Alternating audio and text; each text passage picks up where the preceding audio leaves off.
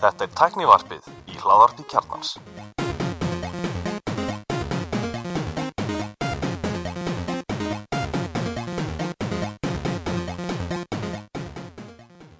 Komið þið sæl og blessuð og velkomin í Tæknar. Ég heiti Gunnar Reynir. Ég er Elmar. Og ég heiti Sverrir, Hvað þið strákar? allt ljómandi. Elmar er, er, er kvumsið að því við erum að byrja upptökuna aftur að því að, að, því að ég var hrættur við ég var hrættur við upptökuna mér ég hef bara klikkaði sko tvisar eða þrísar í COVID sko. þá var eitthvað Já. þá voru að nota eitthvað blue snowball sem að heldur við kiftum eitthvað fyrir við vorum að tala inn á vídeo þegar að tækna eða símál.er að gera eitthvað vídeo eða review þá kiftu það hann var orðin eitthvað yfir því á náttúrulega þrettur. En eigum við að, að segja að þetta sé síðasti remote upptöku þátturinn í Billy? Nei, þetta er fyrsti. Þú ætlum að fara all in í, í remote. Ég mun leggja það fyrir á næsta ég mun leggja það fyrir á stjórnarföndu núna því nú verður við bara alltaf remote heima. Þetta er- Já, líka kvöld upptaka, maður getur bara verið bara fram á rauða nótt hérna. Já, Já, erum bara, erum bara í GOT og, og, og allir kátti. Já, já, já. Það Ég veist alltaf mjög, mjög svona skemmtileg podcast þar sem mennur er aðeins svo líka. Ekkert eitthvað svona dónalega sko. Ekki, mennur, ekki eins og sjáta á þetta vinn okkar, vinnur okkar í hérna spekinga spjalla sem er oft bara komin sko vel í glasi í miður upptöku sko. Já, eh, sem getur alveg verið skemmtileg líka en, en eins og ég lustum á, á hérna fótbolta podcastið hérna, Steve Daskaró veist, og það heyrim alltaf að það er opnið sko. menn fá sér eitt svona í, í, í, í upptöku sko. heyrist í dós eða í flösku. það heyrist í dósin sko. það svona, þú kannski er það svolítið eins og, eins og, eins og hérna að hérna þú veist Dín Martin var alltaf frægur það, sko, alltaf með viski á sviðu eitthvað, sko, og svo ljóstur að dóttar þessu fyrir hann dáin, það var bara eplasafi, sko, það var aldrei drukkið viski þegar, þegar hann var að performa, þetta var bara, það var bara lúk, kannski eru menn bara með Pepsi Max, eða þú veist, þeir opna kristall eða eitthvað, ég kannski er það máli, ég veit það ekki, en, en, en, en, en ég er nú bara með hérna stjúsi brúsa með klökum, þetta er nú álega að lemma það. það er ekki, það er ekki mikið rokk í því. Þetta er eitthvað, fjóruði þáttur ásins.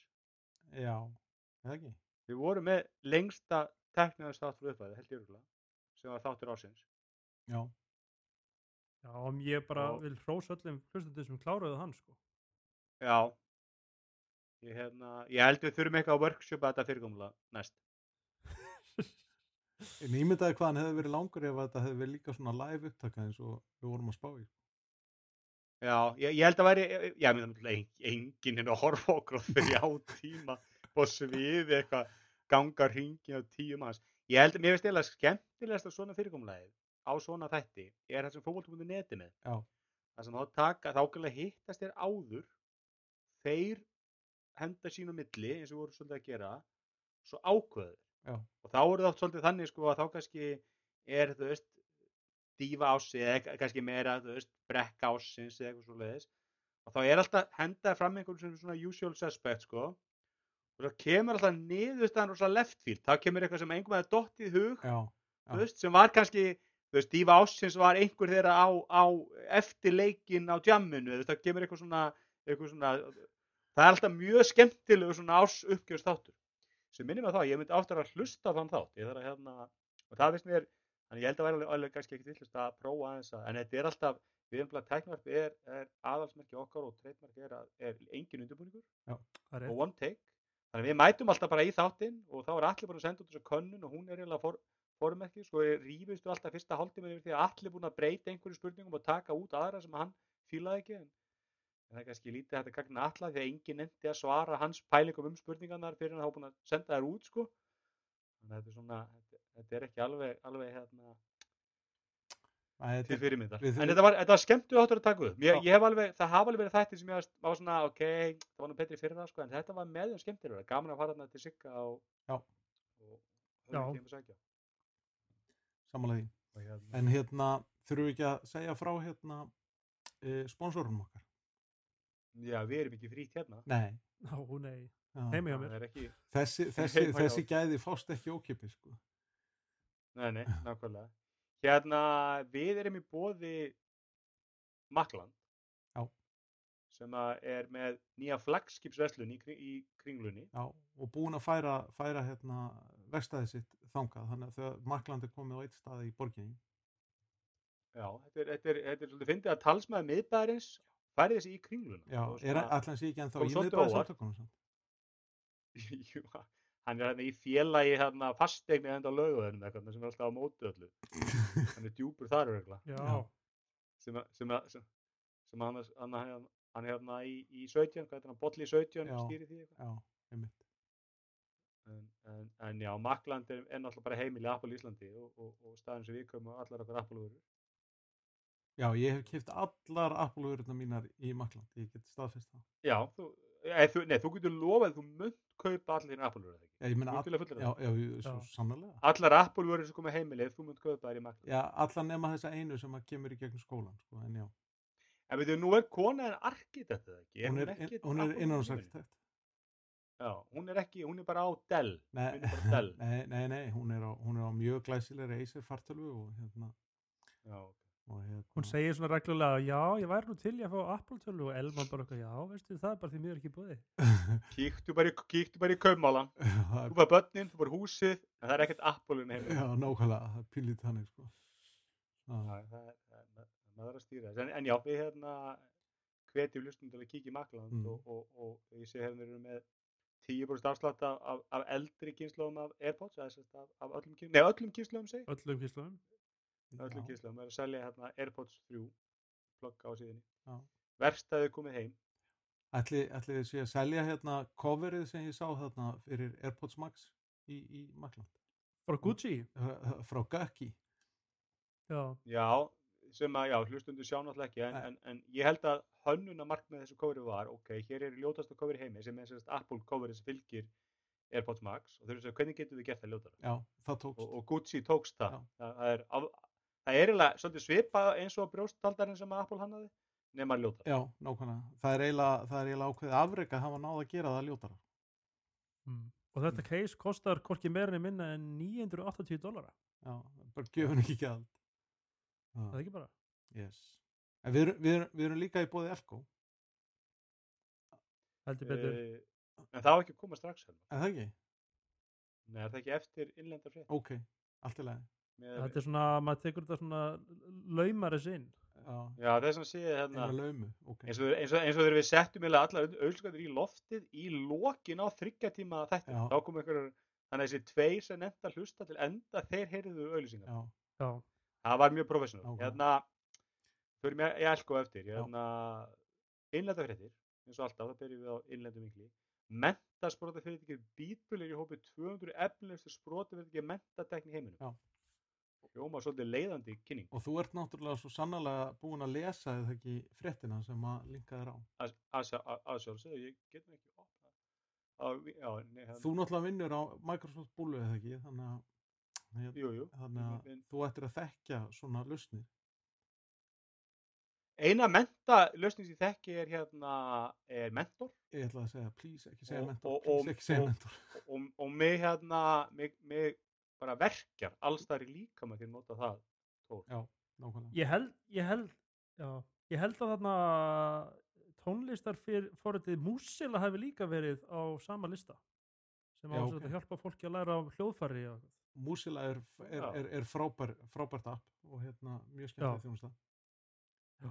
Mm. hvað Já, er hérna já, ok, ok, þetta er hérna já, hérna, þetta er, er sem sagt aðgengilegt í gegnum Microsoft Teams áhugaverð. Ég veist einmitt hérna, hérna, ég var þetta að tjóka með hann mér langar alltaf að mæta í þáttin eftir ég hef ekki verið þættinum og, og, og mæta með lista af hlutur sem þarf að leiður þetta því oft eru menn að segja hlutur sem þarf að leiður þetta og eitt, eitt sem að ég mannið voru að tala um var hérna það væri ekki sniðugt að sagt, vera með vöru sem að er hluti af þú veist, það sem þú ert kannski að hengja, ég man ekki hvaða Ja, saman hann, var að tala um, hann var að tala um það allir að, að, að, að þjónusta eins og Dropbox sem er svona feature. Að hún Já, en þið voru að tala um aðra vöru, hvað voru það að tala um þegar það mitt allir vitnaði Steve á ég að muna það. Já, ég man ekki, allan, allan, en það er náttúrulega einmitt, einmitt sko mjög sniðut að hengja sig á einn hluti eins og Teams og hvað er heitir nú er ekki Tempo sem að er, er, er, hérna í- íslenskt fyrirtæki sem óg svo mikið að það var stærra heldur en móðu fyrirtæki Jú, jú. og það var einmitt bara eina vara þeir var bara viðbót við hérna SharePoint Nei, við hérna þessa áströlsku, hvað heitir hún? Já, ok, ok, ok. Þannig að þú veist að þetta er einmitt, sko, þú ert alltaf bara að hoppa á plattform þar sem að allt er tilbúið og þú bara borgar auka 5 dólar á mánuði til að fá bítólinn í Teams og, og það getur bara verið aðskaplega sniðu laust en, en, en auðvitað ertu náttúrulega í hættu, ég meina ég vinn í á fyrirtæki sem að smíða lausnir sem að Microsoft kemur svo með lausnir hérna, leys, við, við smíðum viðbúturinn í lausnir Microsoft Já. og stundum kemur Microsoft með okkar lausnir sem vöru, þá þurfum menn bara að vera vakandi og þú ert náttúrulega ekki með, skilur bara eina lausn, þú ert þá með 10, 20, eða 30 lausnir og ef Microsoft Já. dreipur eina þeirra þá þarftu bara að þróa eitthvað meira, Einmitt. skilur og, og hérna, og Microsoft er náttúrulega tildulega góðu samstarfi, Microsoft, Apple eru frekar grimmir í því að, að, að koma með þessar lausnir, e- yfirleitt hafa nú menn bent á það að þegar Apple dreipur lausnina þeirna, þá opnar nú stótt bara markaðarinn, sko, frekar heldur en þú degi, sko. Af því að þá, þú veist, ef þú- komið með meira svona pro-fítusa og þá kannski fá menn NASA-þefina þessari lausn frá Apple. Já, svo ert þú með alla pro-fítusan sem mönnur til að borga vilja fá ykkur fyrir, sko. dýbri hérna, og ykkur betri svona meira pró prólaust sko. Og- þetta er náttúrulega að Guðmundur Axelsson var hvað, yfir- stað- yfirmaður í þróunni til Microsoft í, í sjö ár. Já, þannig að- að þetta er nú hérna En- hann veit nákvæmlega hvernig hann er gert þessu kannski svolítið svipur nálgunin svo hann Gummi hjá hérna Crankville sem var, nei Jóis hjá Crankville sem var að vinna í, í remote desktop teimin hjá Google og stopnaði sem einmitt, gerir mér svipað hluti. Einmitt. en þarna, þarna eh, þetta er ykkur svona, svona mentatekni þannig að, að, að, hérna, að kennarar eiga að geta sint bara öllu varandi nám eh, og kennslu nefnda þarna bara í gegnum Teams. Þannig að ef, ef að markmiðið var að vera betri mentor þá held ég að ég þurfi ekki Það- að skoða að er vera pretty low bar þar sko, en hérna, það er, það er örgulega lagsti bar sem til er en, en, en já, bara frábært þeim og, og alltaf gaman þegar Íslands brotaferð að gera, gera góð hluti. ekki spurning. Mm. Það er bara einn innlega ferð frétta, er það, er verið, hérna, breynt í erlenda frétta? já, já, við verðum alltaf að segja frá elkoferðinas Sverris eða ekki fyrir þáttinn. Jú, ef það að það núna. já, Því að við allan þáttinn eftir. Herru, jú, okay. kændum í Elko, við erum líka í bóði hérna Elko og Elko blæðið komið út. mm. Tölum um markmið á nýja ári, er það þemaði blæðinu? nei, þetta, punktur þetta er punktur til þín sko? Áttu ég ekki að lesa annan punkt? Herru, hérna, hvað er í Elko blæðinu? Ég, ertu með Elko sölusöfur? Nei, nei, nei, ég er ekki með elko, elkoblaði fyrir frá mig sko. En hérna, Ég, ég, fæ því miður aldrei elko blæðið. Ég væri sko til í að fletta þessum blöðum alveg Já. fram og tilbaka.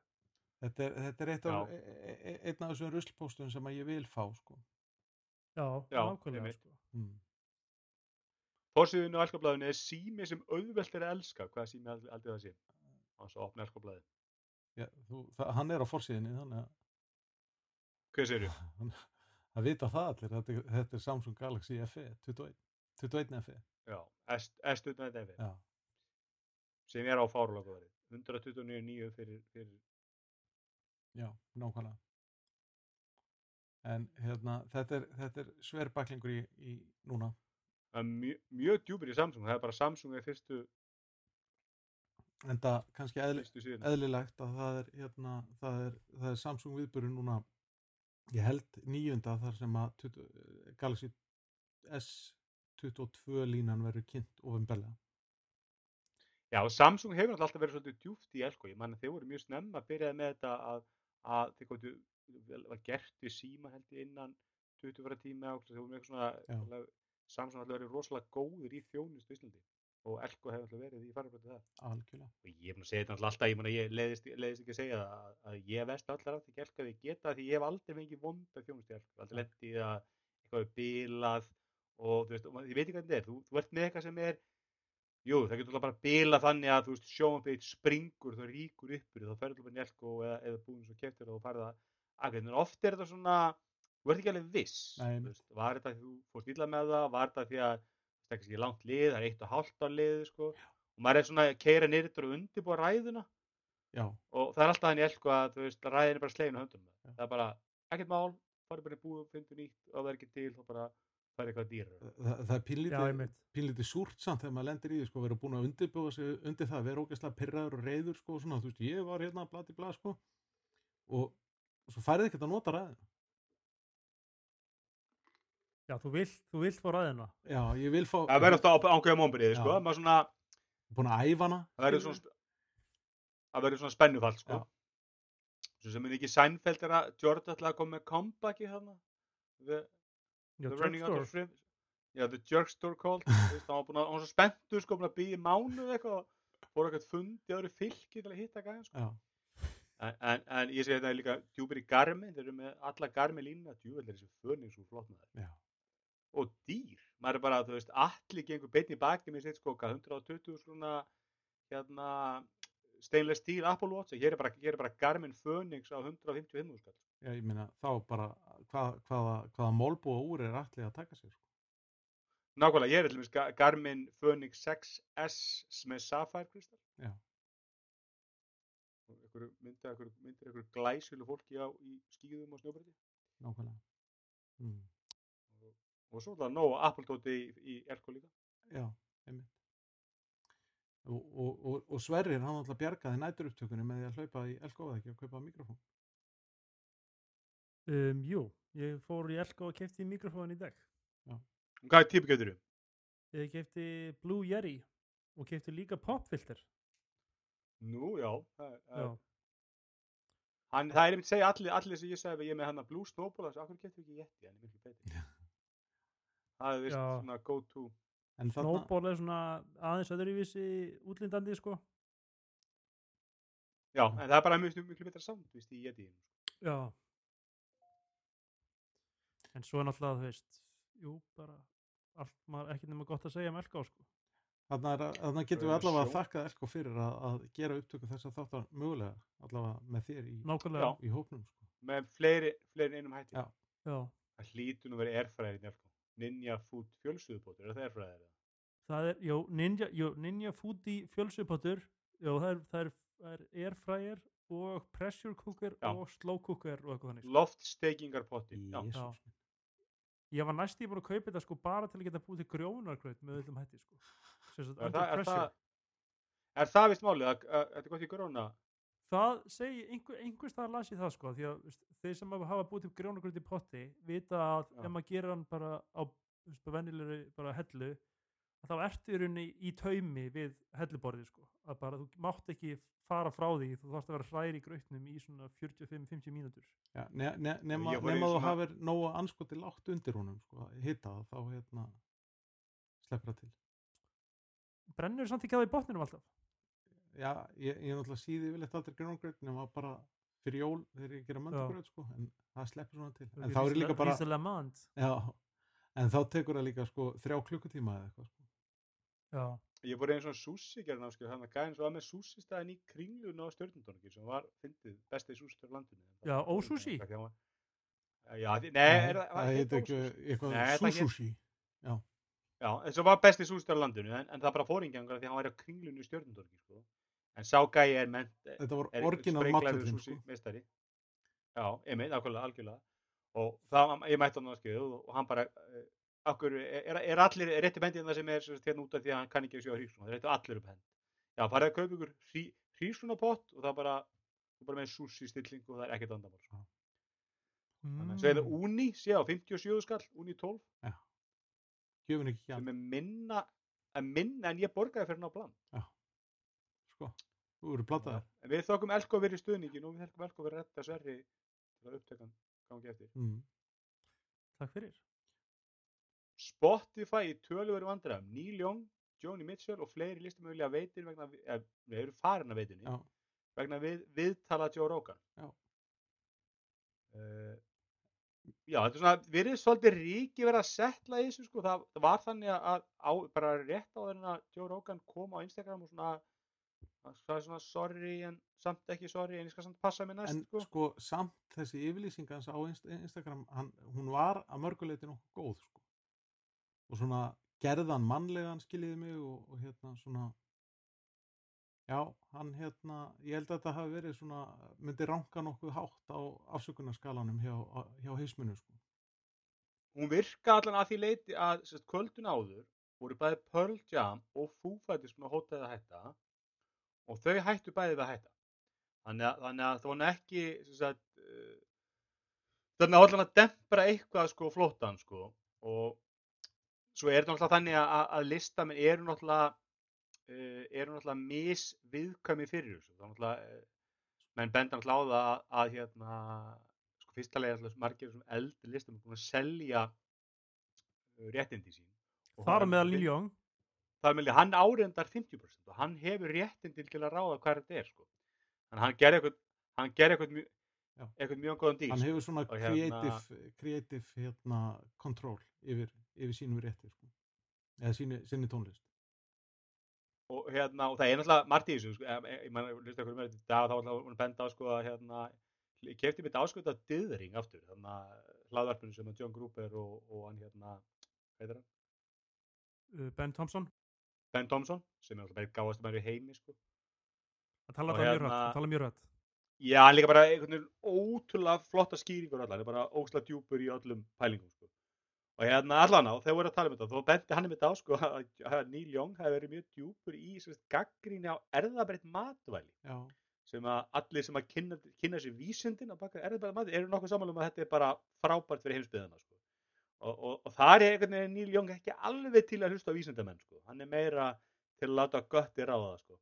hann var líka En- en- með hann var líka náttúrulega með þennan spilara Póno tónlistaspilaran sem að fólk þegar fólk voru að bera það saman við þarna bara lossless á iPod eða eitthvað það var bara eitthvað, Póno var alls ekkit betra sko nei, Nei, og, og, og svo er líka einu sem hann fekk vist polio þegar hann var óbólusettur sko þannig að hann er kannski viðkamur fyrir bæði, bæði Neil Young og Johnny Mitchell eru sko sagt, fengu pólíó þegar þeir voru börn og í- sjúkdómur sem er, var ekki almennt farið að bólusetja við þegar þau voru ung þannig að þetta var svona pínu persónulegt fyrir þeim að já, þannig að Já, þannig að, að, að það var kannski hluti af, af sko, hérna, ergelsunni þeirra út í þetta viðtal sem að Joey Rogan tók.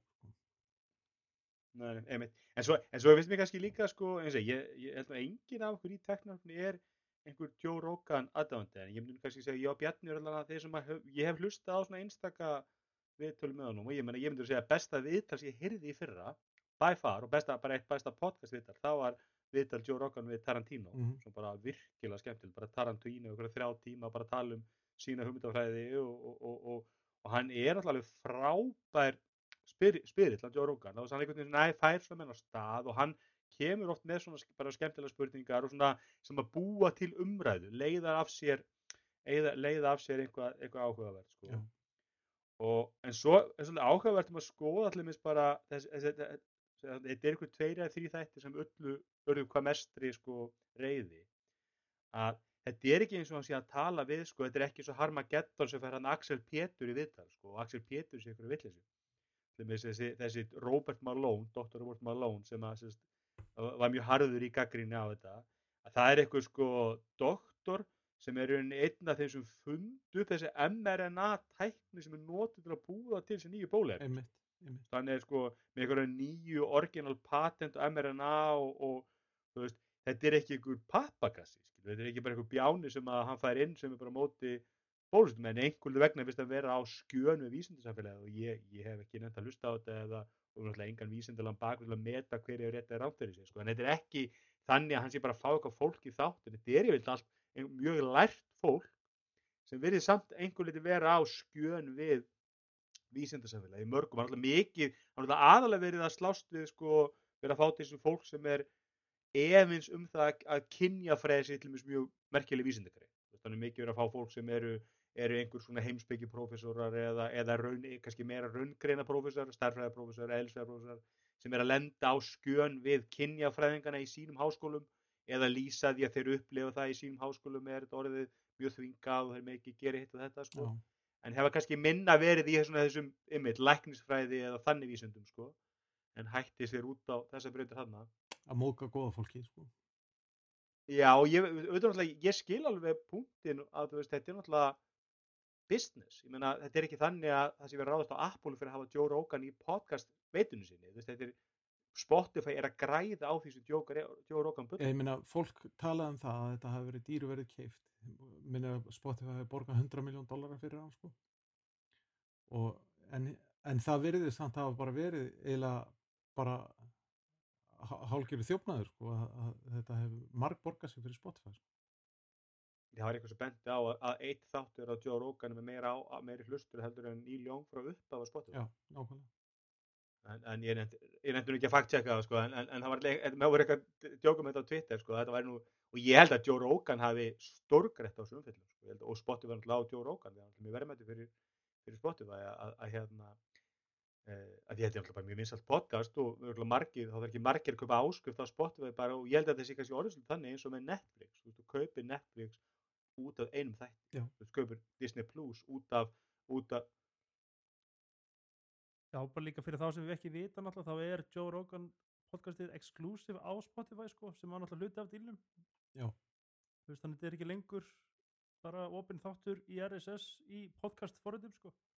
Einmitt, þetta er bara, þetta er, og það, það er væntalega lang verðmætasta svona exclusive podcasti, það er náttúrulega hann hérna, hann er að klára samningin sinn hann hérna Howard Stern og það mennur svona spenntir hvort að, hvort að Spotify getur búið honum einhverja gullakarinnar skóla eða jafnvel einhver önnur veit Já, en, en náttúrulega Howard Stern hefur svo sem verið exklusív á ákveðnum plattformum lengi Já, sko. Sirius XM. Já, nákvæmlega þannig að Já, já, ég, ég meina, og hans samningu við Sirius FM er miklu stærn, Mhm. það er bara, þú veist, að, að, að, að, og, en það, hann er vist svolítið svona, hann er svolítið keppnismæður, hann, Howard Stern, sko, þannig að það er margir sem trú að hann myndi alveg vilja hann væri stærstur, hann væri dýrastur, þetta er svona svo, þú veist, með Ronaldo, sko, þess skiptir Ronaldo miklu, miklu máli að vera dýrasti knæstum með sögunar, sko, Já. Þú veist, þannig að- þannig að þannig að verður áhugavert að sjá hvort að hann gerir eitthvað svona slúð, ég er kannski enginn sem getur keft við Spotify, ég meina, kannski Apple Music, en Apple Music er náttúrulega ekkert að leika sem með podcast, þeir eru bara með podcasti frí. og það er náttúrulega hefur, hefur sem sagt, að var það náttúrulega stefnubreiting hjá Spotify þarna þegar þau kaupa Joe Rogan á sínum tíma og þá talaði um að þau ætli sér að verða heimili hlustunar bara í heiminum, plattformi fyrir Já. alla hlustun. Að, og það er alveg göfugt markmið sko. Er ekki Spotify líka byrjað að sko setja inn auðlýsingar í, veist, eins og þarna hlaðverð sem eru kannski, sem eru sett inn í gegnum Angkor og þetta. Jú, Ein, einhvers stað las ég það að fólk væri bara þótt að sé engar auðlýsingar inn í hlaðvarpinu og þá er Spotify að fara að setja inn auðlýsingar og selja auðlýsingar þótt að hlaðvarps framlegandi gerir ekki sko. Gegn vilja sem sagt, þá kannski er það þá stilling í Angkor eða eitthvað, þú veist, monetize this podcast eða eitthvað, en ég veit það ekki, ég veist, er, það ekki það vel inn á þetta Nei. svo er alltaf menn með, já, þetta, þetta er, en það er alltaf á, sko, að- menn verður látt sig að ástæðan fyrir það Spotify vill verið með podcast, eða spo, podcast eru ótrúlega efni. Já. Það er alltaf fyrst að lega langmest að það er frí, við erum á Spotify, okkar podcast eru á Spotify og, og, og það Spotify borgar okkur ekki krónu fyrir það, skilur við, en þeir borgar þetta fyrir Joe Rogan, þeir borgar fyrir alltaf podcastum, þeir borgar miklu minna heldur fyrir tónlist, það er miklu dýrar að streyma nú í ljónga af það. En ég heldur enda hins vegar að tónlistamenn sérstaklega sem að reyða sér mikið á eins og ég, að Neil Young sem er að selja tónlistöfni, hann á hann seldi tónlistöfni okkur að 20 miljard þannig að hann þarf ekkert að vinna aftur, hann þarf ekkert að það skiptir nú engum mál hvort það bá ykkur krónur og öra. Ég heldur þetta að, að fyrirtæki eða sjóðurinn sem kifti hinn helmingina safnunars, hann er náttúrulega ekkert sáttu við það að, að, að, að þeir hafi eitt af öllum þessum miljardum í eitthvað safn sem er ekki á einu veitunni eða kannski einn af tveimur veitum sem skiptir ykkur máli, ég meina Tidal, það er öllum drullar sem er Tidal, Já, hún skiptir engum máli en Apple Music er stór. Apple Music er stór og já. Spotify er stór Spotify er stórt og, og, hérna, og það finna er að allt í hennu YouTube Music orðin svona hérna, Já, lang, YouTube Music lang kannski þriðja einu svona- stærsta sko. Já, ég held að þessi þrý eiga séns Mm. er það ekki verið út af örugglega aggressífur í markasetningu sko að bjóða alltaf fólki upp á YouTube Premium og inn í því náttúrulega fylgir YouTube Music eða? Jú, í pakkanum Jú, jú. náttúrulega með því að kaupa sér YouTube Premium á hvað var það 12 dólar á mánuði eða eitthvað þá færðu YouTube Music með sko, og þá ertu einmitt sko, nákvæmlega þannig að það er, það er talsveit valjú í þessu sko, sérstaklega fyrir fólk sem að vill ekki sjá, hvað var ég að segja, auglýsingar í YouTube streaminu sinu sko. Já, en svo er alltaf hinn mikill á sem ég hef kannski, ég hef ekkert endilega séð mikið úti, hann er einhvað verið úti en ég sá hann rosalega mikið þegar bara góða fólki á Íslandi virtist allt segja upp Spotify á saman tíma. Og bara, maður sá bara hvern slástum það á Twitter og Facebook að lýsa yfir, hann væri nú að yfirgefa Spotify.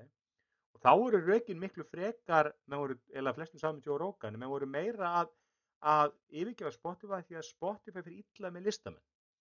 Og þá mikið verið að deila einhverjum svona, skjá, einhverjum svona myndum, einhverjum töflum síndi sko hvað Spotify borgar per hlustun og svo leiðis og mér finnst það svolítið áhverju vinkill að því að sko fyrsta leið held ég að þetta nú ekkit svona, þú veist, þú veist, ég hugsa þetta ef mig grunar að þetta sé einhvers konar leikur að tölum, sko, þú veist, það er eitthvað inn í þessu, fría streymið er eitthvað og, er einhver að trúa því að Napster sé að borga sko, já og já, ég meina, Napster var alltaf langhæst, sko, en ég vil að tökka inn þá, ég meina, ég veist ekki sem Napster verið til en þá, sko, ég veit ekki hvað það er, sko, en ef við tökum kannski Tidal, Apple Music og, og hérna, uh, YouTube Music og, og Spotify, þá var Spotify lægst af þessum fjórum, já, en það hlýtur að vera þannig að það er einhverju flóknir samningarna á bakvið þannig að þú veist, ef allar þessar veitu verður með akkurat 100 miljón áskondu hver þá er það allar að borga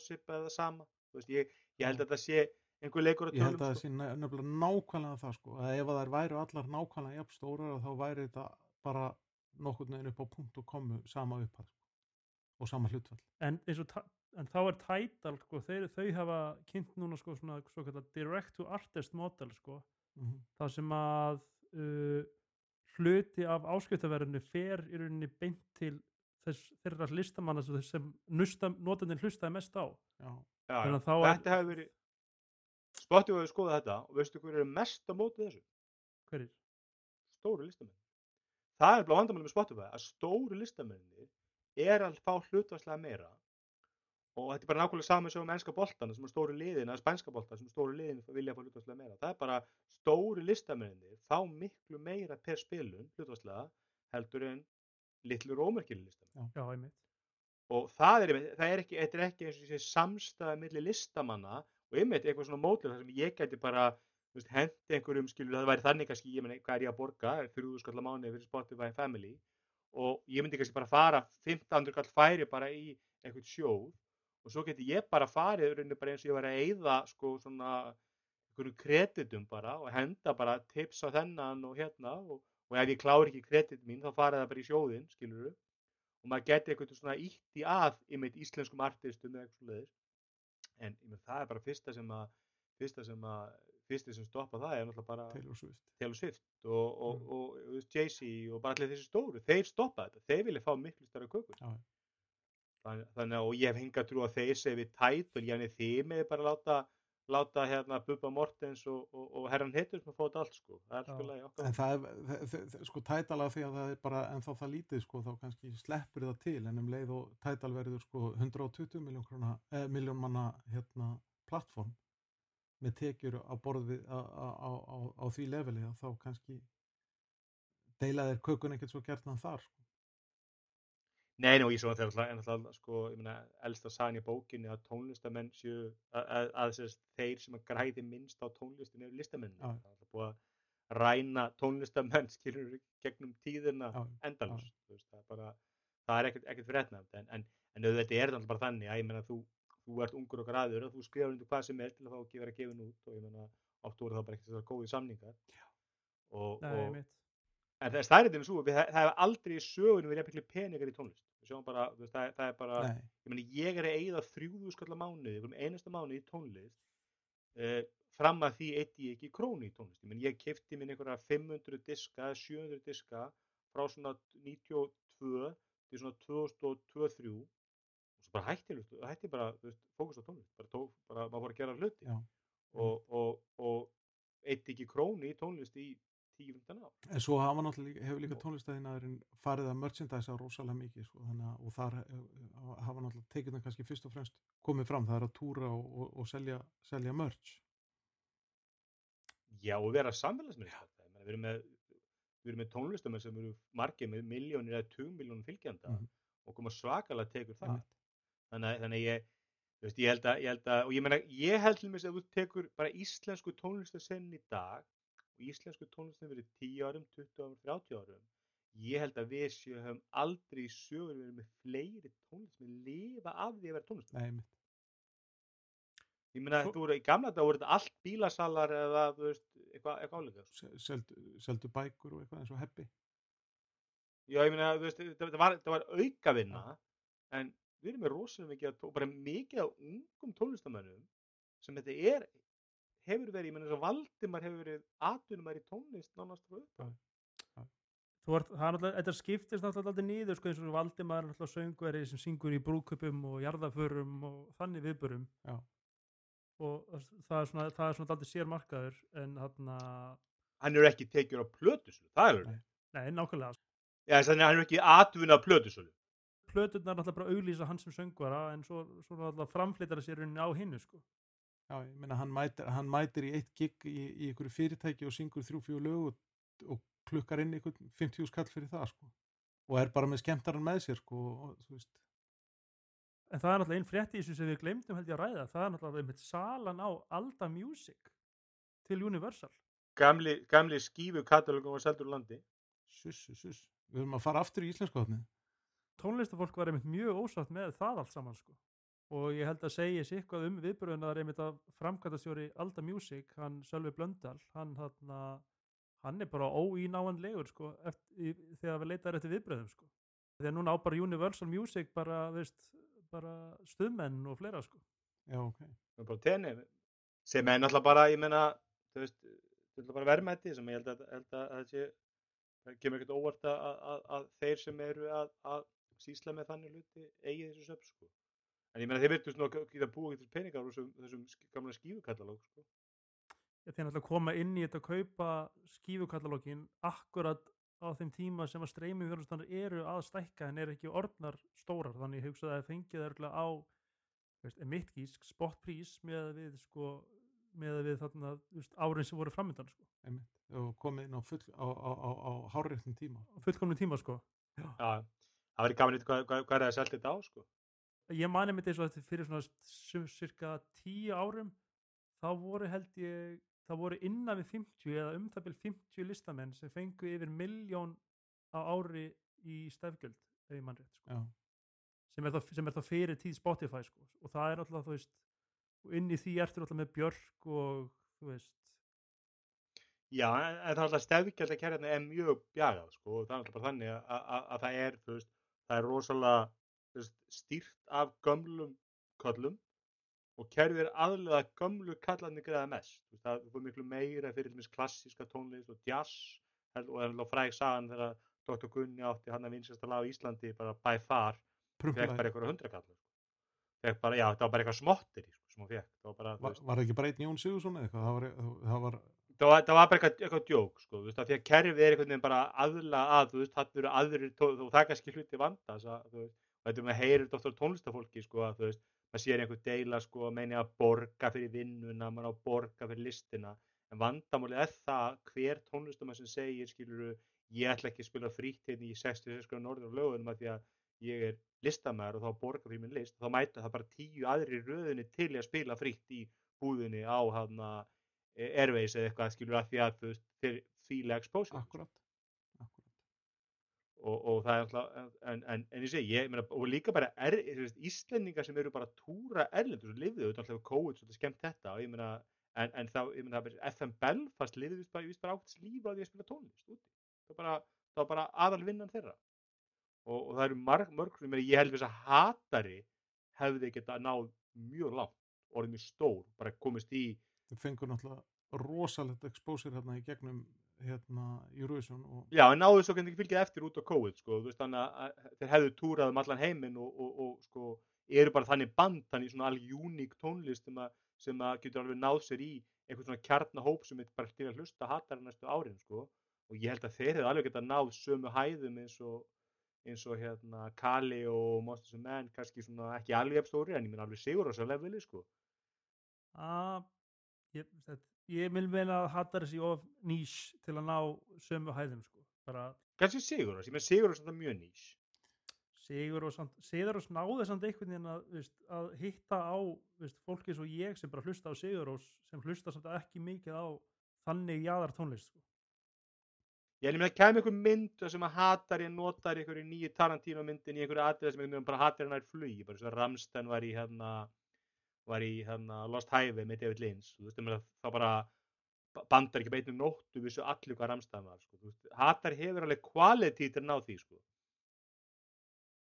En, en, en já, það er kannski gaman bara að fá, fá einhvern sem veit aðeins meira um þetta við hérna, til að ræða þetta. Við tók nú tónlistu þátt fyrir árum eða eitthvað og vorum að tala um tala um einmitt Spotify og þetta streymi og svona en, en, þetta er áhverð, en ég segi, ég, meni, ég er að borga 36 skall ári fyrir tónlist svo, og, og ég meina, ég held að þessi mjög margir í sömu stöðu og ég sem hafa ekki borgað mig og, þá, og ég er ekkert endalið að segja að þá menn hafa verið að stela, ég er bara hlustað á tónlist frá útvarpinu og fyrir mér er það þannig, ef að tónlistum er ekki á Spotify þá hlusta ekki á það bara, ég er ekki að fara eitthvað annað til að elda Neil Young alveg, alveg sama hversu mikið ég fíla Neil Young veist, það er alveg, ég meina það Það er líka líka veist, þarna tilraunin hjá Tidal þegar það var stopnað og Jay-Z var einmitt einn af stopnaðleikum sko. eða kifti hann Tidal eða var hann, Nei, hann kifti það hann kifti það hann stopnaði það og svo kom hann fórstjóri Twitter og skara niður úr snörunni. Já, einmitt, á svona sprinti það ekki? Já, hann alltaf bara árið svo ógeðslega ríkur að hann, hann, hann keifti sér inn í það til þess að hafa bara liðin þrótt, sko.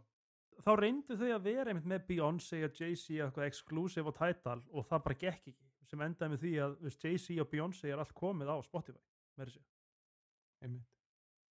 Var ekki, var, ekki, var ekki bara Taylor Swift síðast á svona holdátið á, á Spotify?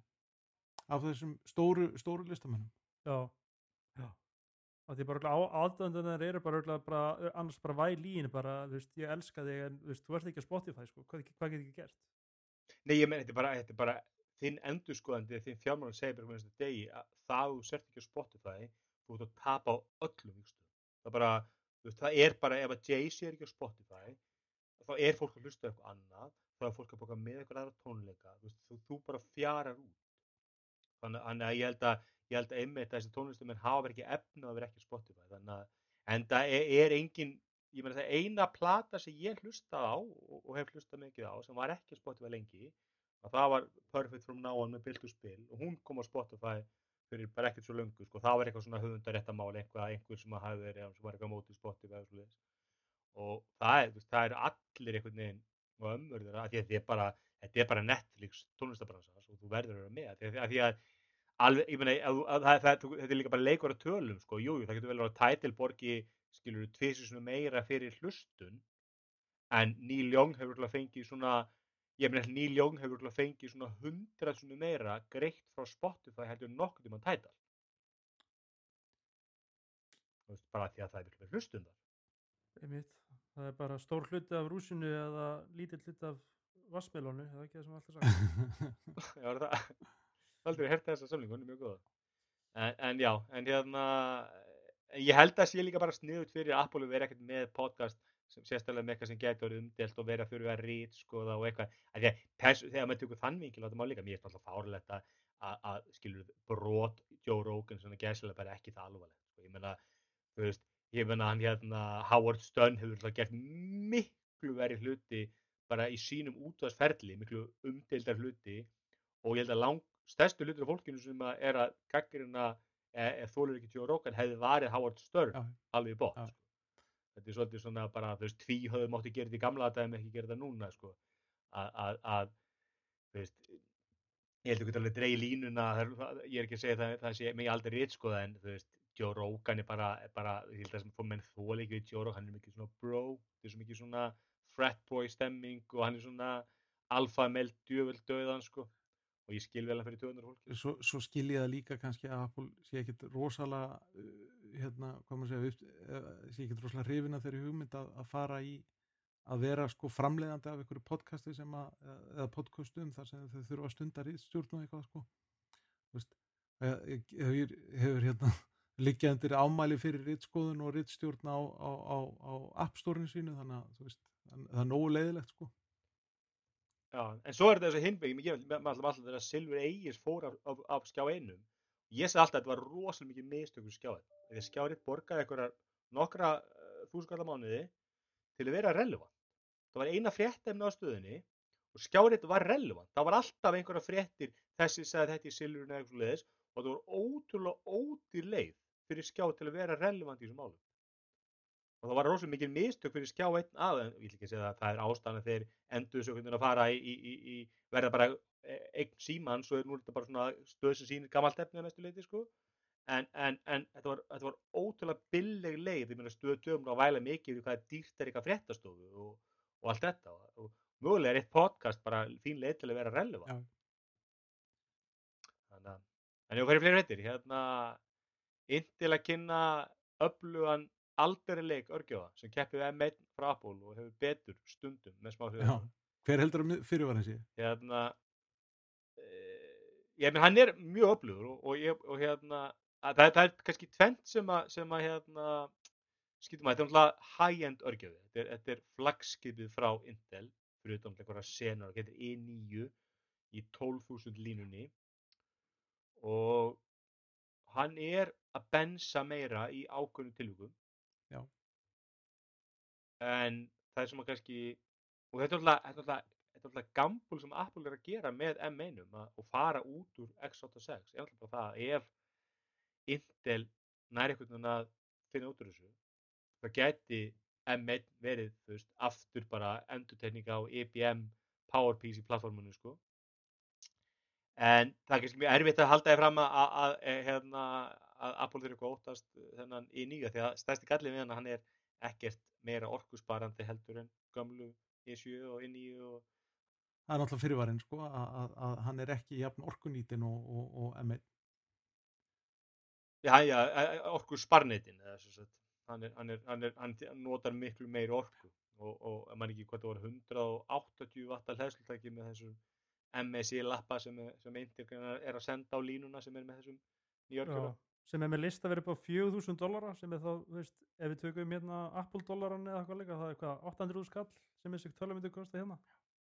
Já, já, ég og það er, það er náttúrulega, e, e, það var alltaf hluti af vandamálinu og hluti af ástæðinu fyrir að Apple fór út úr Intel að því að þeir náttúrulega bara veist, geta selt aðra hluti, þeir geta selt þér M1 MacBook Air sem er, er að kosta 1000 dollara og, og, hún er að bensa svipað eins og 1500-2000 dollar XPS 15 vél, en, með ka- E7, þú veist. en þetta, þetta gætir alltaf samt verið upphafið að einhverju svona ark hjá Intel að því að Intel er nýbúið að ráða samt sko Jeff uh, Wilcox sem var lead, þú veist, þarna, lead þarna, designer yfir Apple Silicon aftur yfir til Intel sko Já, já, Þú veist, þannig að En sko aðal, aðal alltaf styrist það að Intel bara varð að koma með eitthvað, eitthvað, eitthvað monster örgjur sko, bara til þess að vera inn í samtalinu. Já, ég, og ég, ég held einmitt sko að, að, að segja við erum hraðari, það er miklu betri sölupunktur heldur en að rafluða endingin sé svona eins og þess að ég held að langfæstir nota fartur á rafluðu. Bara venlegt skrifstofu fólk nota bara tölnum fyrir að skjáni á sér og hún hleður bara. Ert kannski að grípa hana inn á einhverju fundi og svoleiðis það eru rosalega fáir sem eru einhvern veginn starfsmenn Word sem að vinna bara á MacBook Air og er einhvern veginn bara ekki með auka skjá og það, það er þeir eru alveg til en það er bara ekki hópun sem er, sem er háerastur og ég held bara að það getur sagt í bensmörkum þá eru hann öfluri að þetta er ákveðið svona damage control Já, já, ég meina þau vilja, þau vilja bara vera relevant í þessu samtali sko, og þau voru það ekki fyrir en að þarna. Einmitt, og bara líka með þetta þegar þú þarft að nota þetta afl þá er náttúrulega, þá ert einmitt ekki að batteri þú ert, þú ert er, maður sér sjaldan fólk vera að klippa vídeo eða, veist, rendir eitthvað 3D eða eitthvað í flugvél, sko. Nei, nákvæmlega. Og Nei, nei, en, en það eru náttúrulega Apple tölfur er oft bara svolítið eins og, eins og læka myndavælanda sko, þetta er bara dýrar tölfur fyrir ríkt fólk sko, þú, þú þarft ekkert 27 tómi imakka fyrir miljón að því að þú þarft á þetta vinnunni þinni, þú veist, ekki fyrir einhvern veginn læka myndavæl, þú bara kaupir það því þú getur það, Já, þú veist bara fallega hluti sem að eru góðir. Og, og, og ég held að ég meit að, jú, jú, Apple selur þeirra það að, að, að hérna MacBook Pro M1 Max sé fyrir gæjan sem er að klippa einhverjar stríðsfréttir í Afganistan skil og hann það bara geta unnið á hraðanum til þess að, til þess að hérna, fréttin komið sem fyrst í útsendingu flestur eru bara að skoða kattamyndbötu YouTube og Facebook sko. þannig að þetta eru bara góðar og fallegar vélar og, og hérna og, og þetta er ólíkt þessum leikjatölum sem eru, all, eru allar, ég held sé bara þeir eru eitthvað svona regla þegar þú ræður inn hönnu til hann að leikja fartul og þá, er- þá finnur það sem að fjallu allir í hönnunaskólanum sko. já, allavega ekki í efstu 10%. Nei, þetta verðist vera eða, eða leikja aðdándur eru svona miklu bjánar sko, þetta er, það smekklusur, þetta er allt eitthvað ljótt sko. Þetta er náttúrulega ungir en- menn, skilur þú veist það. Jú, jú, mögulega. Það kannski þurfa að fá fleiri konu en að bransa til þess að hérna, fá smá svekka.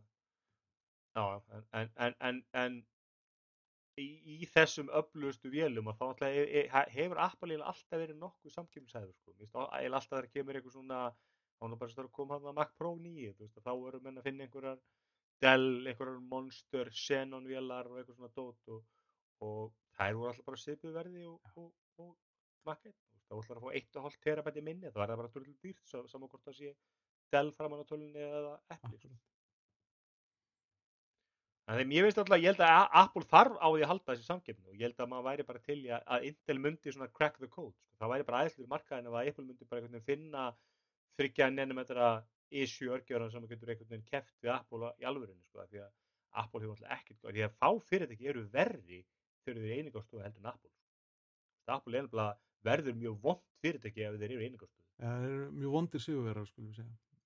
Já, þeir eru bara, En, Hérna, af því að þú sagði þetta með 30 nanometra, þá fannst mér þá áhugavert að ég sá hérna einhverja spekka, svona, skjóta því inn í, fyrir hérna nýju hérna, Samsung Galaxy S22 línuna. Að þar, þeir keira á Exynos 2200 örgjörum frá Samsung, sem eru 4 nanometra örgjörar, sem ég fannst áhugavert. Já, Samsung hefur bara verið einn, einn öflugast og besti örgjöf fram til heimi. Og, og Framlega tensor, fram, áhugavert sko, framlega hérna, tensor örgjörum fyrir Google símana, til dæmis. já, já, sem hefur, hefur, hefur bara svona fengið þokkalega gott og- já, hann náttúrulega hannaður til þess að, til þess að vera svolítið í svona hvað segja, gerfigreind sko. Þannig að það er ekkert mikið að GPU Já. afli í honum sko en, en það, það er annars konar afl þar þannig að þú veist. Hann, hann, hann bensar ítla í náttúrulega áhugavert, sko. hérna prósessum sko. Það er mjög áhugavert það með nú er Intel að byggja einhverja 20 miljard dólar vesmuðu eða hvað það var sko í, í mann ekki hvað fylki bandaríkjana það var hérna, Ohio og það er svolítið áhugavert sko að þe- að þeir eru ekki að byggja vesmuðu er þetta ekki eitthvað þeir, þeir eru annar aðili sem er að framlega örgjara fyrir Jú. Intel ég held að þannig að Intel er svolítið að fara í sama og Apple gerir að Intel ætlar að hanna örgjörfana og svo munu aðrir smíða það fyrir það alveg svo Apple hanna sem örgjörfa þeir smíða Apple smíðar einhver örgjörfa TMCC þeir eru ekki já, þannig að- svona Intel getur náttúrulega verið að þróast í, í áhugaður Mhm. átt og, og, og en, en, en, þetta er náttúrulega ríðstótt spurningamengi fyrir bara PC markaðin ég menna að- Microsoft hefur náttúrulega ítrekað reynd að koma einhverja arm útgáður af, af, af Windows og það virðist einhvern veginn aldrei ná almennilegu flugi. Og núna voru þeir að drepa hana 10x stýrikerfi sem að sem að hérna átti að koma með hérna átti að koma núna heldur bara í fyrra og, og, og koma bara með 11 í staðin og það er, það er jú einhver armstuðningar, það nær aldrei einu flugi og það er ennþá þannig í dag að besta arm tölvan til að kera Windows er, er sérst, M1 Mac. Einmitt.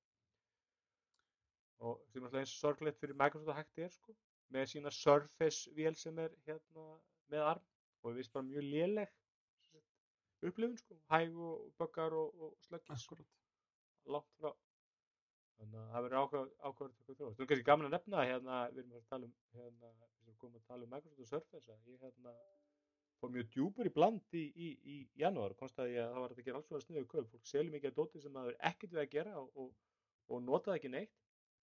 Ég kefti með græði sem að ég vissi ekki sem ég langaði í og gerði það fyrir að ég kannski dóta á og selja hann aftur eða eitthvað. Ég kefti með Surface Duo. Já, sem að ég veit ekki eins og hvað ég kalla þetta er síma þetta pre-owned by Panis Panay eða Nei, það væri nú, þá væri, hefur nú borgað meira en 20 skall fyrir það. Þá væri ég, þá væri ég en nei, það var einhver, einhver, einhver indilis maður sem, að- sem að seldi mér hann og þegar hann hérna, ég sótt hann hjá hann að þá hérna, var hann með Fold, Galaxy Fold, þannig að hann var gæðilega hrifin af þessu plattformi. En þarna, það er nýkomin þarna, Android, Android 11 út uppfærsla fyrir Surface-in. Ertu búin að uppfæra hann eða? Já, ég, einmitt bara, hann kom bara stuttu eftir að ég, hérna, Og ég sá, ég sá hann hjá þig fyrir uppfærsluna sko, hvernig er hann, hvernig er hann eftir uppfærslu? Sko, það er náttúrulega ef ég bara gef mína ör umfjöllun að þá er þetta eitt fallegasta og eitt best svona bara, þú veist, að halda á því bara, þú veist, opna það meðhandla það þetta er eitt flottasta tæki í svo það er þetta bara eins og Moleskine bara- vasabók sko? Nei, bara, þú veist, það er bara frágangurinn og bara lömyndlimis sem að, þú veist, er að milli skjána að, þú veist, það er sama hvað þú, þú veist, hún er einhvern veginn aldrei of stíf eða of létt þú getur sett henni hvaða gráður sem er, það er alltaf jafn smúð og þú opnar henni í veist, hvað, 180 gráð, þannig svo bók í rauninni að þá er hann bara eins og, hann er svo stífur og massífur eins og spjaldkalva sko.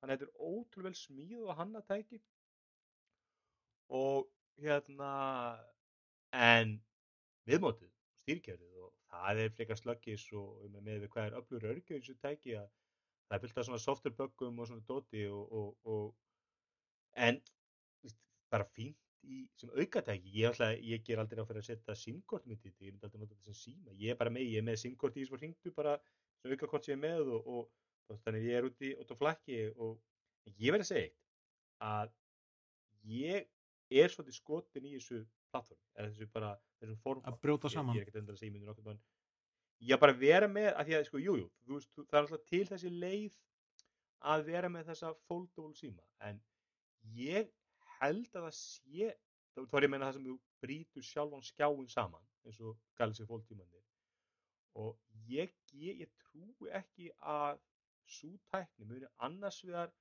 geta orðið ódýr og ná að skalast upp í tæki sem seljast í 2 miljón myndar ég, hef- hef enga trú á því að Apple geti komið Apple Fold á morgun selt 100 miljón eindöku næsta ári og það væri ekki bara stærsta verið ásins að annarkvæð sími brotnaði veist, ég held bara að Samsung selur bara einhverja 20.000 síma eða hvort þessu 100.000 að mestalagi að þessum fólksímum sínum. Menn kaupið þú svolítið vitandi að það svolítið að vera með hvíta hanska og passa þau sko og þú borgar líka hvítun augunum fyrir það sko. þess vegna alltaf, þetta skjótinni þessi Surface Duo kostaði 1400 dólar þegar hann kom nýr þannig að ég fekk hann að 20 múskall á bland þannig að, þannig að, þannig að þetta er kannski ekki, ekki sambarilegt en, en bara vera með tvo skjái getur, getur ekkert neginn það er eitt sem kemur í, í þú getur para saman upp en eitt sem ég nota mikið þegar ég ætla að slappa af og þá hérna, hendi ég, er ég með svona par sem er sem sagt, uh, TikTok og einhver svona, svona bubble leikur sem hann ekki veitir hvað, brick balls eitthvað og þú veist þú verið með tvö og líka bara oft er maður að gera eitthvað maður er kannski að ég er að skoða eitthvað á, á, á bara á slakkjunni til dæmis og svo sendur ykkur link og þá opnaði linkin í hinu glukkanum og Mm. það er svona moment sem ég er að leika með, ég sé mér bara svona ok, ef að Apple myndi gefa hana síma út með alvöru stýrikerfi og það sem er kannski 1 og 3 að sem að Apple getur bara sagt við plattformið og appframlendur þið stiðið þetta þið komið með upp, app eftir app app, það sem þú sér bara skilur, það er ástæð fyrir að vera með tvo skjái þá held ég að- stór hluti af okkar hópi myndi bara selja hvítun og raugunum til að kaupa Já. þetta vegna vegna sérstaklega hópurinn sem er með Airpods og, og Apple Watch það sem að það að þetta sé bara meira tölva sem við vasanum fyrir eitthvað sem þú talar í skilur þarf að setja upp að eiran og tala í það ég held að með ymmit Apple Watch og Airpods þá þarftu það ekki þú kíkir bara úr til að sjá hver að ringi þig þú segir bara Siri að ringi konuna Já, ég er alveg sammála þessu. Þetta er einmitt, já, því ég sá þetta tekki hjá þér. Hver er eftir, þetta er svona einmitt meira eins og ef að Apple myndi koma með sambalið tæki að það myndi, það myndi þau koma með tæki sem væri sko iPad mini ef, maður væri, ef þetta væri samanbrotið tækið sem myndi stækka upp í venjulegan iPad sko. Hver er skjástæðurinn á Surface Duo áttur? já þeir kynntu náttúrulega það, það tæki sko. þeir kynntu þessast Surface Duo Já. sem er cirka 5, komma eitthvað sem að samanlagt er hann 8 tómur minni mig. Já, og svo kynntu þeir líka Surface Neo. Hann átti mitt að keira á, hérna, á Windows uh, 10X og hann var með 2.9 tómur skjá. Og ef ég segi bara drauma, drauma tæki mitt væri mitt þarna mitt á milli. Ég var alveg til í aðeins stærri skjái. Þetta mætti alveg vera aðeins stærra tæki þrátt fyrir að það fytti ágætlega í jakkavasa, meint eins og þú segir iPad sem brýtur í tvend eitthvað svona, hann er heldar skjástærin væri já þið segja sko hérna á, á GSM er þessi 8,1 tómu skjár sem eru henni 2 5,6 tómu skjár hann er, hann er náttúrulega í fjóra móti þremur. Þannig að hann virkar öðru í sig heldur en, en, en, bara þú færi með allir kannski í, í segjum 7 tómur þá væri held ég tildur að nettur í vasa en samt þannig að þú gætir alveg verið að vafra netið bara í öðrum skjánum án þess að það virki þú verið samt með svona spjaltölvu stemmingu á vafrinu sko. en, en, en nú er þetta með þetta, þetta minnir mig kannski svolítið á bara þú veist, iPhone 8 Plus sem alltaf sildilega ferkantum skjá sko. en þessi skjári aðeinslega en það er bara, þú veist, appstöðun ykkur engin það er bara, það eru kannski fimm upp í heiminu sem stiða þetta. Það er bara, það er, Outlook appið, Teams appið þau virka ágætlega á tveim skjám í Microsoft er ekki eins og öll, það er að finna við og það er ekki, ég meina, Gmail mér lótast bara, þetta er bara sundur, sko, það er bara hálf, þú það er með hálfa stikun öðrum en svo bara, þú veist, virkar ekkert á svona dual, dual screen, sko. En það er náttúrulega er verið að, það er náttúrulega er verið að adressa þetta vandamál í hérna, sem sagt beta-útgáfu sem er komin út núna og heitir hérna Android 12L. L held ég fyrir large screen eða eitthvað sko. Já, það er, ég, ég dotti svolítið djúpur í hérna, í, í Reddit, Surface Duo og þráðin og það eru svolítið nördarnir sem að nördar kalla nörda, þeir hanga þar og, og það er mitt mennir mikið að, að, að, að erum spennti fyrir sko uh, þessu 11, 11, 11, 12, 12, Já. 12 já. Uh, vandamál bara andur til það að, að appmarkaðurinn gerir bara svona sýnir sko. það, Google getur eiginlega ekkert sagt þeim að gera eitthvað og er mjög lítið að setja einhverju svona þvinganir á markaðin sko. Þeir eru ekki að segja bara svolítið eins og Apple segir sko, að þú verður bara að styðja iPad fullscreen og hendu appið þinn út úr appstórunum það bara, það var eitthvað núna hvort það séu þessu ári eða síðast ári veist, þannig að Google er, er miklu opnar plattform og miklu, miklu fleiri framlendur og það er bara rosalega lítil stemming að supporta eitthvað svona og, og það er kannski alltaf Já, þe- þe- þess vegna er náttúrulega Google að að gera þetta í gegnum sko stýrikerfis uh, hliðina að OS sjálft raunverulega skali uppin rétt sko. Já, og, og, og, það, er alltaf, ég meina maður skoða spekkum það ekki, þú ert með 8, þú ert með hvað, Snapdragon 855 sem er bara þokkala beefy örgerfi og 6 gigi minni, ég meina þetta tæki eftir ekki að vera slöggis, en það er svona, og það er ekkert eitthvað þannig að það sé eitthvað dead slow, það er samt svona stundum gerir maður eitthvað og maður telur sekundum, maður eitthvað svona ein, þú veist, en, en eins og þegar ég maður að nota, nota það og eitt sem ég notaði meira í en ég bjóst við, það er þegar ég set, sagt, appið í fullscreen á báða skjáina og notaði þá í portrait og ég er svolítið bæði að skoða Facebook og bara að vera neti þannig að það er alveg, jú, þetta er alltaf röndfært í skjáin en þú veist, þú ert samt með skilur meira svona eins og halda spjaltölu frekar heldur en að vera með, með á meira real estate. Eina sem ég væri til í þessu tæki sem er ekki það væri svona eitthvað svona mín í fartölu stemming að þú væri með veist, annan skján sem liklaborð og hinn sem þú veist, þú getur bara skotið Google liklafun upp en það fer um leið og, og það virkar einhvern veginn ekki eins og fartölva það er ekki þannig mót á þessu og, og ég held að, að, held að mörguleiti er, er Duo mér að Duo tækis vekk í allstæða líla dóma og, og, og ég trú ekki að Microsoft muni setja milljarða í viðbót til þess að, að gera eitthvað sem þeir veita að mun aldrei nánu flugi sko. þetta er bara svona hobby hjá þeim og, og, kannski kemur Surface Duo 3 en ég held við þyrftum einhvern svona Google þurfti að koma með svona síma vil Samsung þú veist, og fyrir, en ég held að þetta gæti orðið svona þú veist, ég held sem miklu ódýrið að framlega þetta tæki heldur en þess að foldable OLED síma. Eða þess að foldu eins og, eins og Galaxy Fold sko. ég er ekki að sjá þá ná mikið undir 1000 dólarana sko. Nefn eitthvað svona Galaxy Flip, eitthvað svona basic en ekki þessa stóru Það meinar, meinar með því að hafa frekar bara tvo skjái og rönd sem brýtir þetta í niður í staðin fyrir að hafa þarna flexible skjá sem þú getur Já, ég held sér einfaldar að koma með bara 500 dólar tæki sem að, að næri veginn massanum sko, fyrir Kína framleitunum og koma með ódýru tæki, að það sé ódýru og einfaldara með svona tæki heldur en, ég held að þessi foldable OLED skjár verði alltaf ógeðslega dýr. Sérstaklega það er bara eitt fyrir ekki heiminu sem býra til það er Samsung. Allir þessi síma sem eru að koma, Oppo og Xiaomi og eitthvað, er allir með Samsung skjánum. Það er ekkert fyrir ekki heiminu sem kannadar en það er sem var náttúrulega betti á Samsung ef þetta er nær flugi þá er Samsung bara að vera, vera, vera verðmæta sem fyrir ekki heimi sko. En það er náttúrulega líka held ég alveg gefið sko þó að ég er alveg sammálaðir að, að, að Microsoft er ekkert að fjárfesta gríðarlegum upphæðum í það að þróa Surface Duo línu áfram sko. En hins vegar kannski læraðu líka mikið á þessu tæki sem að nýtist þeim annar staðar, þú veist, bara þetta er nokkuð skona R&D hjá þeim að, að, að, að þróa þetta tæki sko. Og Já, og ég, meni, ég, ég, já, Men alveg eins og, alveg eins og Google notaði sko hérna Lens hérna eða, nei Google Glass gleraugun sko til þess að þróa sko Já. myndavélatæknina sína áfram sko.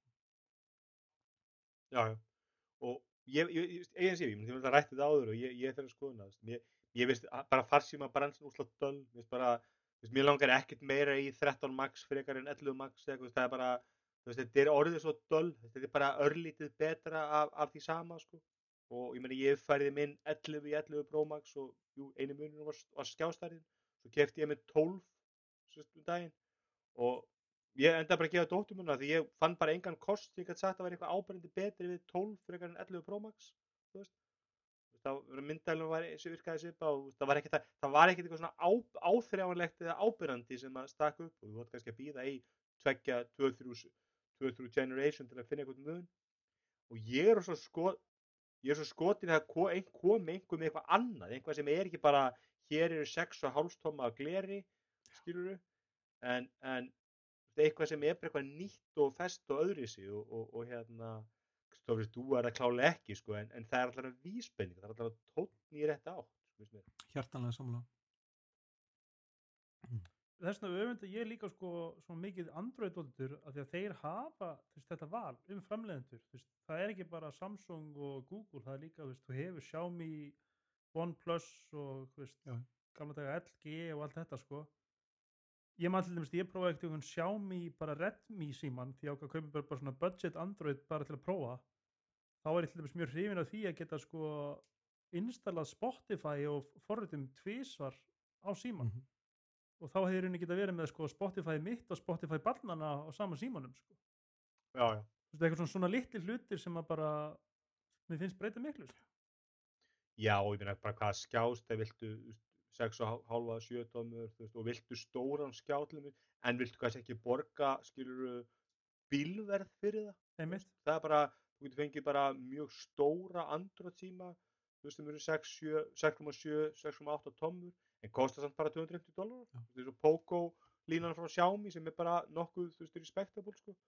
Þannig að, þú veist, ég, það myndi gleði mér rosalega mikið ef einhvern veginn þetta myndi einhverjum leiti byrja að þróast í þátt, annarkvæmt með einhverju software og Google eitthvað, að ég get allan eftir tvö ár farið á AliExpress og ég geti skoðað þrjá, fjóra Kína síma sem væri einhvern veginn svona Surface knockoff en kannski með stærri skjá eða væri að gera eitthvað aðeins öðru í sig heldur en það yrði þannig markar, það væri nýts markaður en væri þannig að það væri einhverju valkostur annað en bara vill ég Surface Duo eða vill ég Surface Duo 2 og þetta kveikir svolítið nördin í mér bara sem átti hérna Pocket PC þú veist, skilur 2002, 3, 4 og 5 og var bara einhvern veginn þegar allir skilur hvaða nörd þetta geta ég sem nei þetta er framtíð, það verða allir með svona tölvu því þetta er bara svo æðislegt, það er bara svona tölvu sem þú setur í vasan og getur hlusta á tónlist og horta á bíómyndur og svoleiðis, svo var alltaf raunin skilur, þú það, það þurfti bara það þurfti bara einhvern veginn að tækni þurfti að enda á réttum stað þú veist, með réttu snertiskjánum réttu örgjörunum batterínu og öllu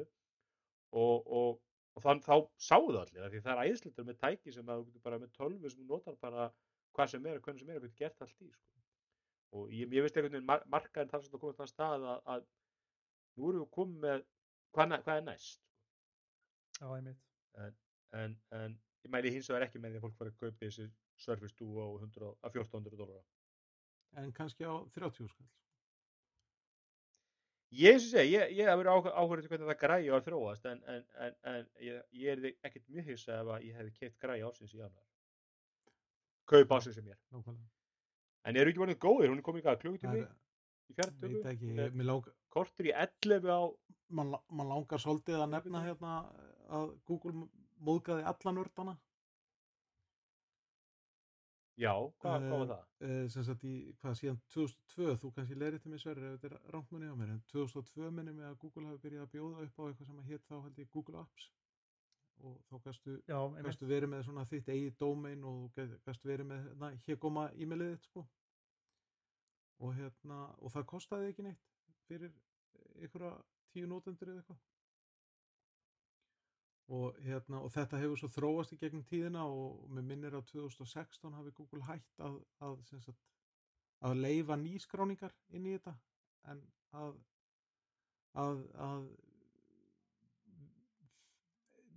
þeir notendur sem voru fyrir að þeir fengi að halda áfram að vera bara með sitt ókeppis tér og þetta hefur þróast yfir í það að vera það sem í dag er kallað Google Work, Workplace það sem að þú ert með tölvupóst og þú ert með sagt allan skrifstofu vöndulinn í, í einhvers konar vefu umhverfi og áfram með náttúrulega tölvupóst þjónustuna þína og hér koma e-mailið þitt, sko.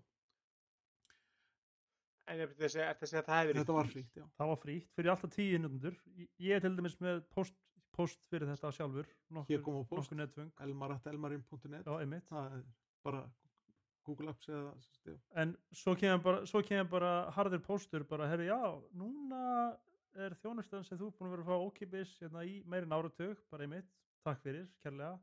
Hún er ekki lengur ókipis, núna þarf þetta að borga að minnstakosti 6 dólar á já mánuði. lægsta, lægsta áskriftarleiðin er sex- fyrir hvern notanda Já. sko? 6 dólar á mánuði fyrir, fyrir, per user. Og þetta er takmarkaðara heldur en að ókipis leiðin var líka. Það er svona, allavega hefur mér sínst það sko. Og þú veist, Það myndi eftir að segja mér það að ég gæti verið með Google Workspace fyrir minn gulli.gulli.is eða eitthvað. Og ég gæti farið inn í Gmail viðmótið og notað Já. postum minn það. já, já, ég er með þannig post til dæmis fyrir Einstein og Elmar fyrir Elmarinn Okkur, þá þáttu eiga þá ég léni það er allt þú svo ert að eiga lénið, þú ert að vera með custom domain. Ég var líka svona, ég bjó, bjó líka til svona fyrir KVF á sínu tíma Mhm. sko, þeim var einmitt, jú, 2005 eða 4 já. Nákvæmlega. Já. En, en það er ekki þannig ég get farið bara að búið með þér bara hérna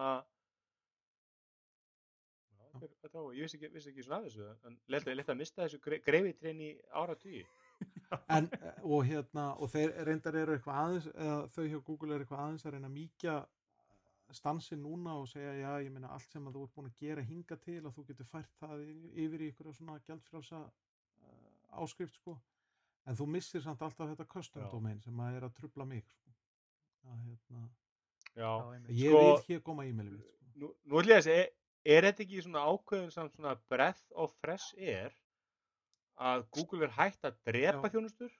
Nú vil ég fyrir eitthvað rukka fyrir, er það ekki svona, þú veist, monetizing er alltaf er ekki betra tvennu illu betur? heldur hann að drepa þetta Já, mér, mér, mér finnst það, það, og ég meina, Ég er náttúrulega bara með þennan eina notanda á custom domaininu mínu þannig að ég borga þessa 6 dollara og, og, og röfla svo í smá stund og svo bara fer þetta inn í allar hinnar micropayments sko?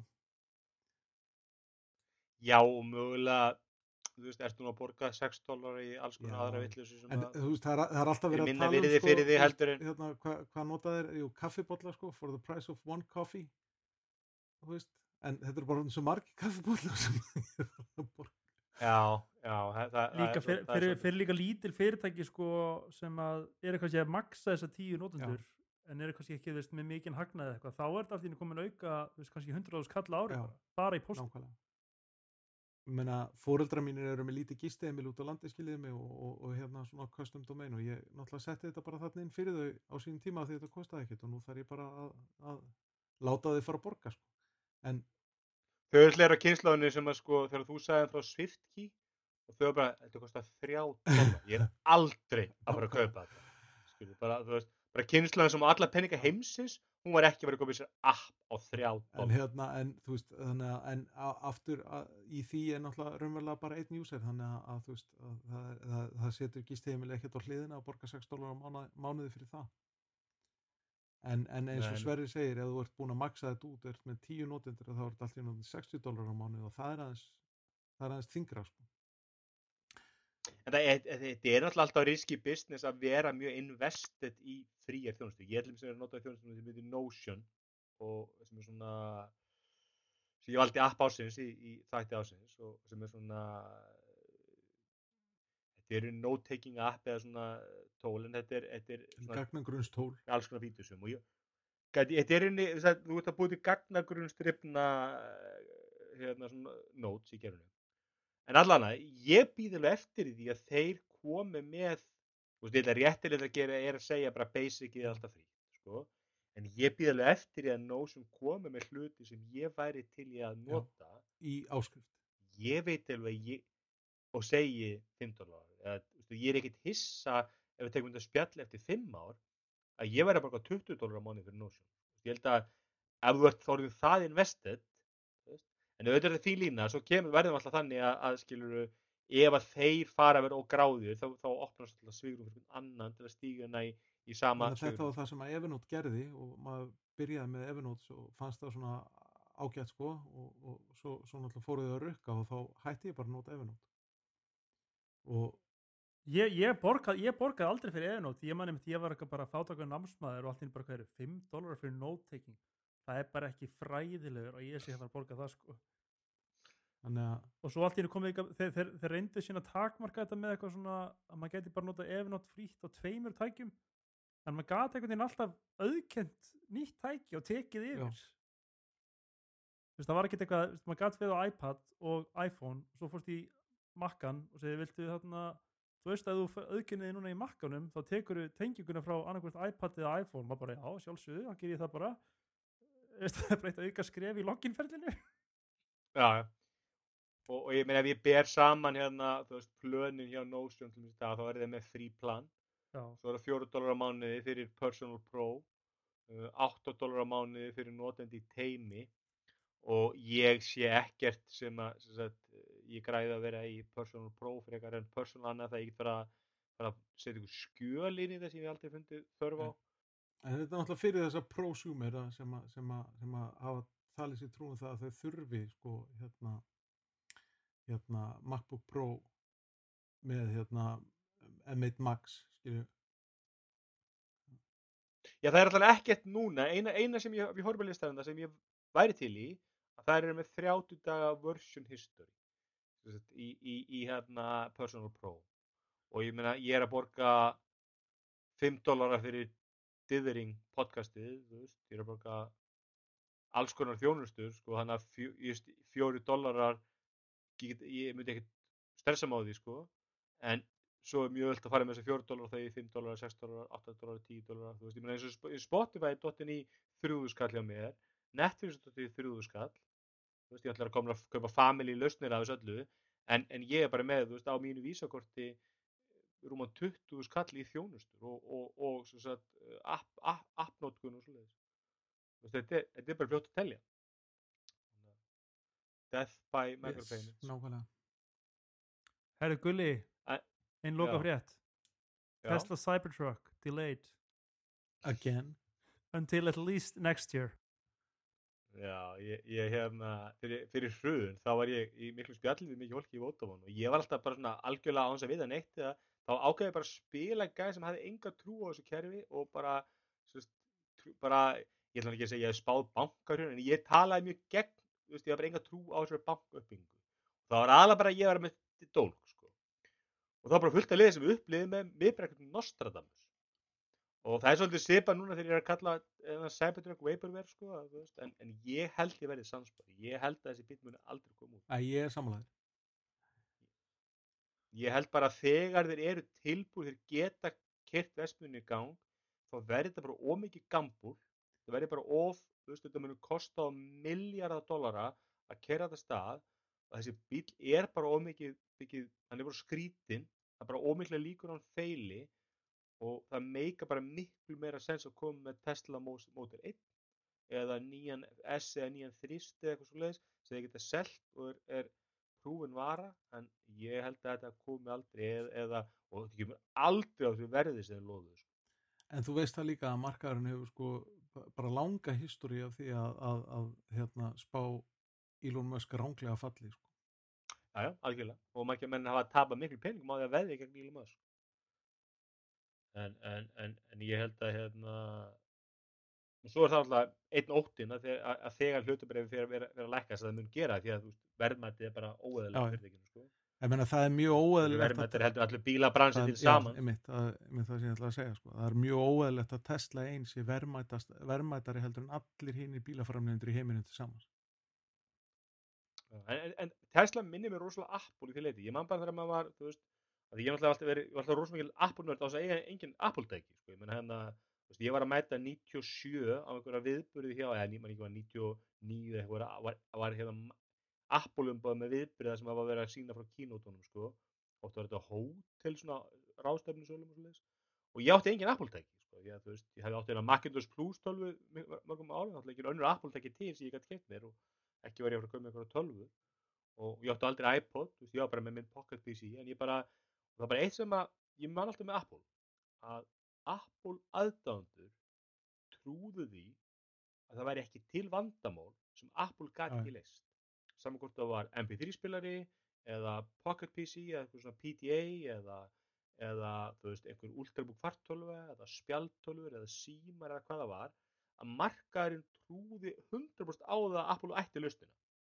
Og Tesla er nákvæmlega svona stað. Ég held að markaðurinn trúi því að ef það er til eitthvað vandamál sem það er að leysa að þá getur Elon Musk lista og ég hef svo mikla viðurstig á þessu manni að því að hann er svo mikið, hann er svo lélegur mér finnst hann eiginlega ekki standa undir því undir því lofur, því að bara gott dæmi er bara daginn þegar hann, hann kynir róbóta pælingarnir sínar og hann er með mann fyrir aftan sig í svona spandeskalla að þykjast vera veist, þetta, er bara, þetta er bara svo takki og metnaðalaust og þetta er bara svo mikið snákasölumæður að veist, ég hef bara enga trú á þessu fyrirtæki. Bara, ég, held að, held að þessu kerðir áfram að, að, að, að og ég held að þegar þessi hópur sem að trú hvað mest á hann mun fatta það á sama tíma að hlutabæriverð mun lækka því að það mun gera það þá munum við sjá svona downward spiral. Ég held að hann mun ekki höndla þann downward spiral. Ég held að hann mun ekki höndla neikvæðina sem við mun fylgja.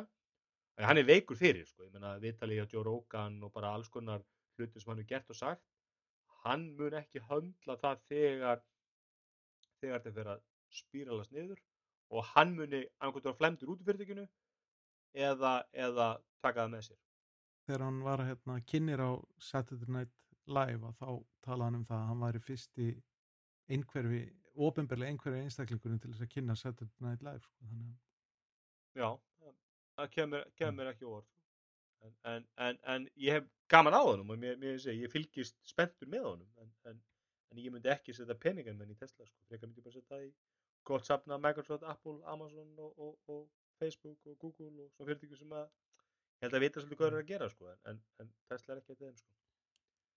En flotti bílar og, og, og ef ég verður komið með rafmagnsbíl í dag þá myndi ég alltaf komið með Moto 3 af því ég held að bara, menna, ef þú átt Moto 3 í tvö ára og selur hana, bara meira fyrir að borga Einmitt. keftir hana Þú veist, markaðin er bara svo ef- erfi, erfitt að fá hann og menn eru til að fá yfirborgan sko, þetta er bara svona place svona 5 stemming sko.